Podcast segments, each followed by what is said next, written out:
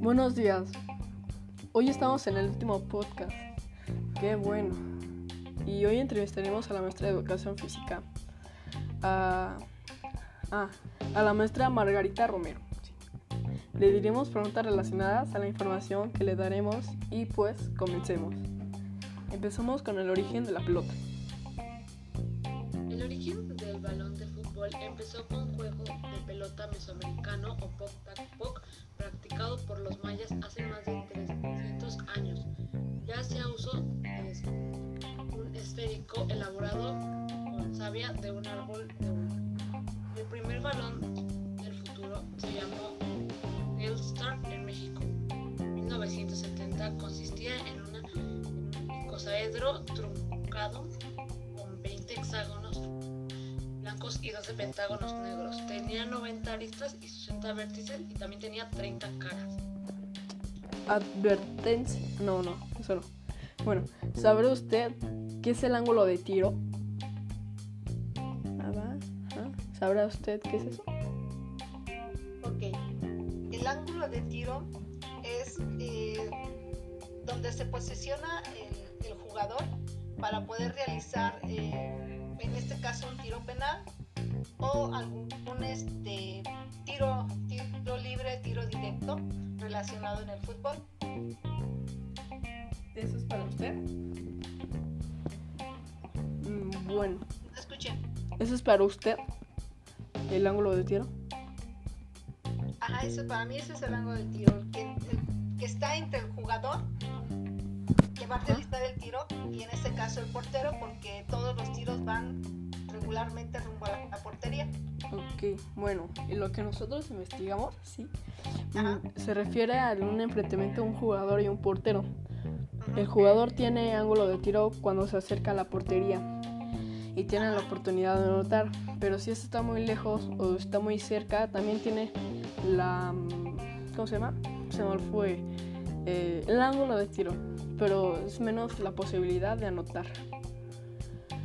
Bueno, y ahora, ¿para qué? Para usted, ¿qué es? Mm, bueno, no es cierto. Mm, ¿Cree que haya leyes de la física en el fútbol?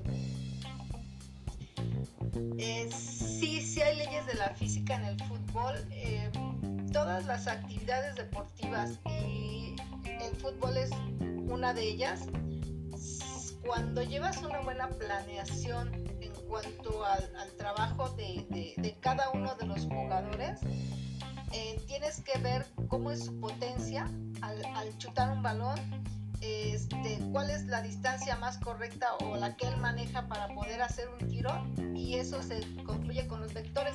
Entonces, sí cumple alguna de las, de las leyes de la física para poder este, realizar esto. Obviamente los que manejan eh, el alto rendimiento y tiene su equipo de, trabajo correcto, este, siempre, siempre van a, basarse en los en la fuerza con que le pega el, deportista al balón. Mm, ok, ok. Bueno, de acuerdo con la primera de Newton, aquí hay otras, ¿verdad? Se este, dice que si no se aplica fuerza a un objeto, este continuará moviéndose a la misma velocidad y dirección que antes. Es decir, cuando colocamos el balón al césped, permanece en su lugar, en movimiento cero, ya que no se le aplica ninguna fuerza. La segunda dice, una fuerza aplicada a un objeto cambia su aceleración, es decir, la tasa en la que cambia su velocidad. Cuando pateamos un balón, la fuerza que le aplicamos hace que se acelere a una velocidad de 0 a una velocidad de decena de kilómetros por hora. Y la tercera ley de Newton dice que con cada acción ocurre siempre una reacción. Quiere decir que la acción mutua de dos cuerpos siempre son iguales y dirigidas en sentido opuesto. Esto de relacionado con el fútbol quiere decir que cuando un balón es pateado, el jugador experimenta la misma cantidad de fuerza que la redondea. Exactamente como le acabo de comentar. Bueno, ¿usted sabía cuál es el ángulo perfecto para tirar? No soy especialista en fútbol, sé que existe, pero la verdad no desconozco. Mi especialidad no es el fútbol. El ángulo que maximizará la distancia de un tiro de unos 30 grados, normalmente 45 grados es el ángulo habitual. los investigadores han demostrado que los futbolistas pueden lanzar a velocidades más altas desde ángulos más, altos, más bajos. Pueden ser desde 25 a 40 por lo menos, eso es lo mínimo. Esto significa que el mejor ángulo es uno de los 30 grados, no, 45 grados como se podría haber pensado. Opina que los goles, la condición, las jugadas que hacen los llevan.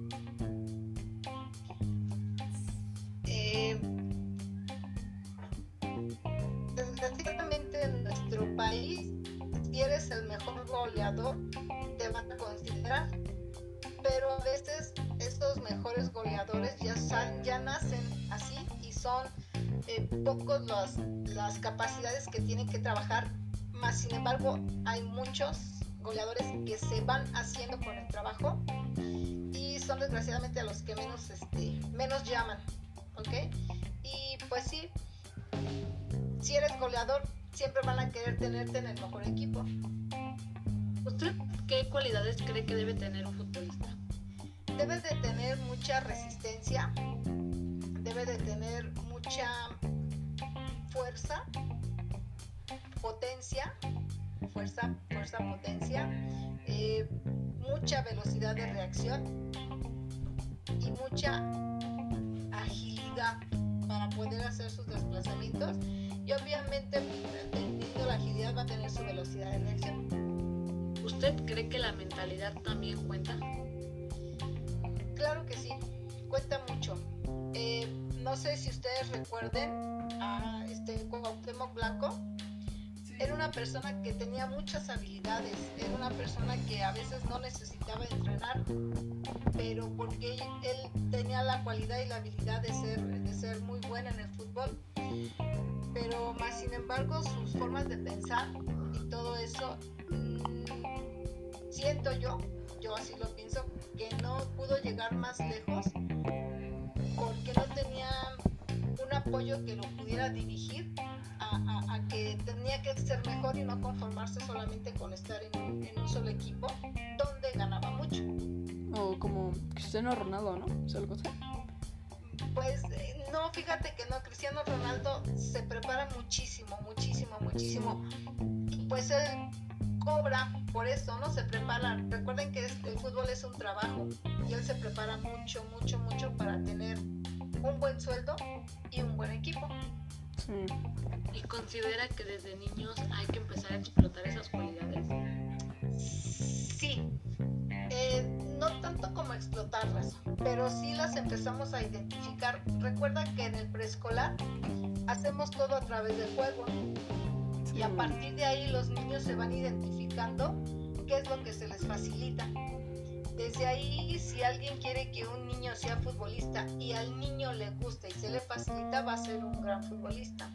Si hacemos un niño que esto sea a fuerza, se le va a dificultar mucho. Igual lo va a lograr, pero si se le va a dificultar mucho y corremos el riesgo de que aborrezca esa actividad no es lo yo pienso que lo más sano para el niño es que practique lo que más le gusta.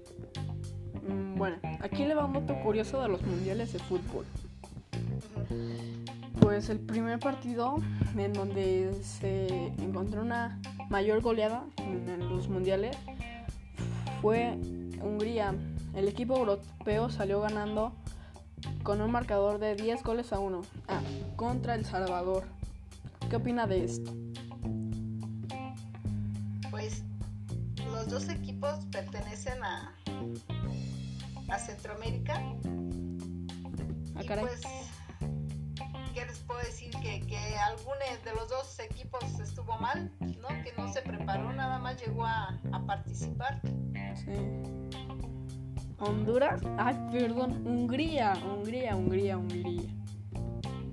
Aquí dice Honduras. perdón, se me pasó. Ah, ok. Y bueno, ¿usted este, qué opina? ¿Qué, qué, qué, se, ¿Qué se necesita para tener un disparo potente? para tener un disparo potente, bueno, para eso sí tienes que trabajar. Tienes que trabajar la fuerza de tus piernas, tienes que hacer actividad, actividad eh, normales, las, las básicas y aparte tener este trabajo de, pesa, trabajo eh, más continuo. Hay veces que tenemos un trabajo muy exhausto, que es este periodos largos de trabajo con descansos, periodos largos de trabajo con descanso para que puedas desarrollar la potencia de tus piernas. Ok. Mm, bueno, y hablando de ellos, según los récords Guinness, el disparo más potente de la historia lo hizo un futbolista brasileño llamado Ronnie Heverson, que estableció el récord de disparo más potente con aproximadamente 210.8 km por hora. ¿Qué le parece? Pues sí, que son, eh, son gentes que les gusta trabajar mucho y que logran lo, que quieren, ¿no? Eh, eh, estábamos, como me preguntó hace rato, este Vale, este Cristiano Ronaldo, es una persona que también se prepara, ¿no?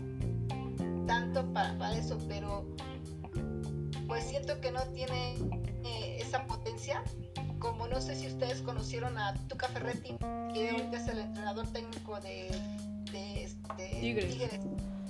Exactamente, él tenía una potencia para dar sus cañonazos. Eh, nunca supe cuál era su velocidad, pero sí eran eh, los mismos porteros decían que ya hasta le tenían miedo porque sí era de, de, las contra la América creo en una final no y en varios este, partidos que hacían ah, que sí decían que, sí la verdad sí les daba miedo porque su, su patada o su golpe al balón era muy, muy, muy, muy fuerte. Lo sacara volando. Imagínense si es de... Y él dice, ahora actualmente, pues que sí, que a él le gustaba mucho prepararse. Y pues sí, lo logró. Sí. Me acuerdo que también un día mis eh, en clase sincrónica nos dejó que investigáramos acerca de la velocidad. Pero, ¿usted qué opina de la velocidad? ¿Viene de los genes o se viene practicando? Mira, eh, en el medio deportivo se dice que la raza negra tiene genes, sus ADN, que son especialmente para velocidad. ¿Sale? Eh, científicamente ha de haber algo cierto porque si ustedes más o menos han observado las Olimpiadas, eh, la mayoría de los negros son las que se llevan todas las carreras en ese medio. Yo soy en ¿no? de, de, velocidad sobre todo. Entonces, tantito que son los, los genes y posteriormente eh, la práctica, ¿no? O el trabajo, porque también hay gente de raza blanca que trabaja mucho y llega a tener también esos lugares que, que, normalmente es de la raza negra. Entonces yo creo que tipos de velocidad conoce. ¿Perdón? ¿Que ¿Usted qué tipos de velocidad conoce? Bueno, son la velocidad de reacción, la, la velocidad este la velocidad nata, que son por ejemplo los 100 kilómetros por hora, que es la máxima prueba de velocidad en, los deportes. ¿Y qué otra? Se me habrá ido por ahí otra.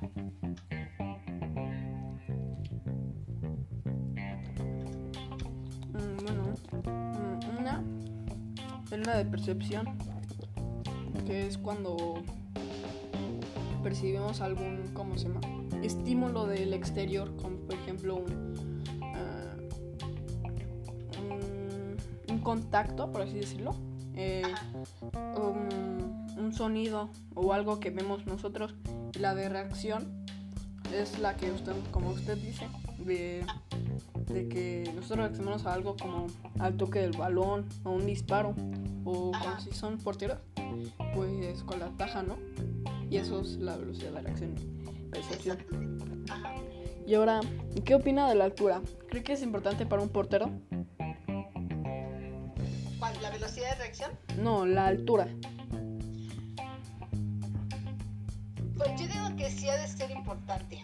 Sí es importante porque es importante porque tenemos la impresión de que ataja toda la portería, pero vuelvo a repetir, con el esfuerzo de una persona bajita, también podemos lograr eso, ¿no?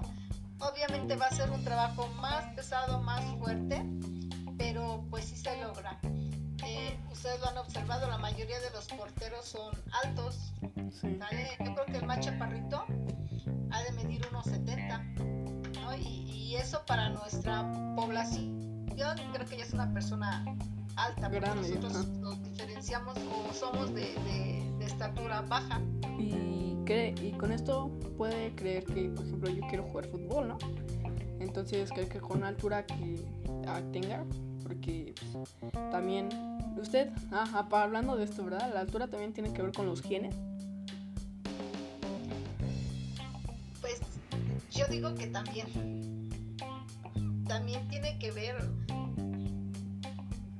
científicamente se ha demostrado, ¿no? Eh, que las personas que son altas, es más, eh, si tienes una familia alta, es muy normal que tú vayas a ser alto, pero se han dado las excepciones, ¿no? Que son familias de talla grande, pero son los descendientes son pequeños.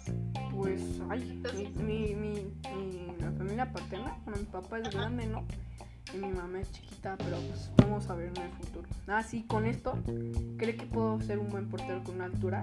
Sí, sí, da así con unos 70 o unos 60. Sí, sí, sí puede ser un buen portero. Con una estatura, sí, sí puede ser. No recuerdo si el Conejo Pérez, ya ves que fue también un, un, este un gran este, portero. incluso este Jorge Campos, ¿no? Su estatura de Jorge Campos es de unos 70. Y él lo ha dicho, yo soy un portero bajito, porque los porteros son más altos. Este, simplemente que se acaba de retirar, ¿cómo se llama? Iker Casillas, ¿no? Sí. Era un portero como de, creo que de dos metros, algo así. No, uno, uno 80, uno 70, no me acuerdo. Algo así, más o menos. Entonces, este, sí. Y con esto terminamos. Muchas gracias, Miss, por estar en este podcast. Esperemos que le haya gustado. Al contrario, a ustedes gracias por invitarme. Sí.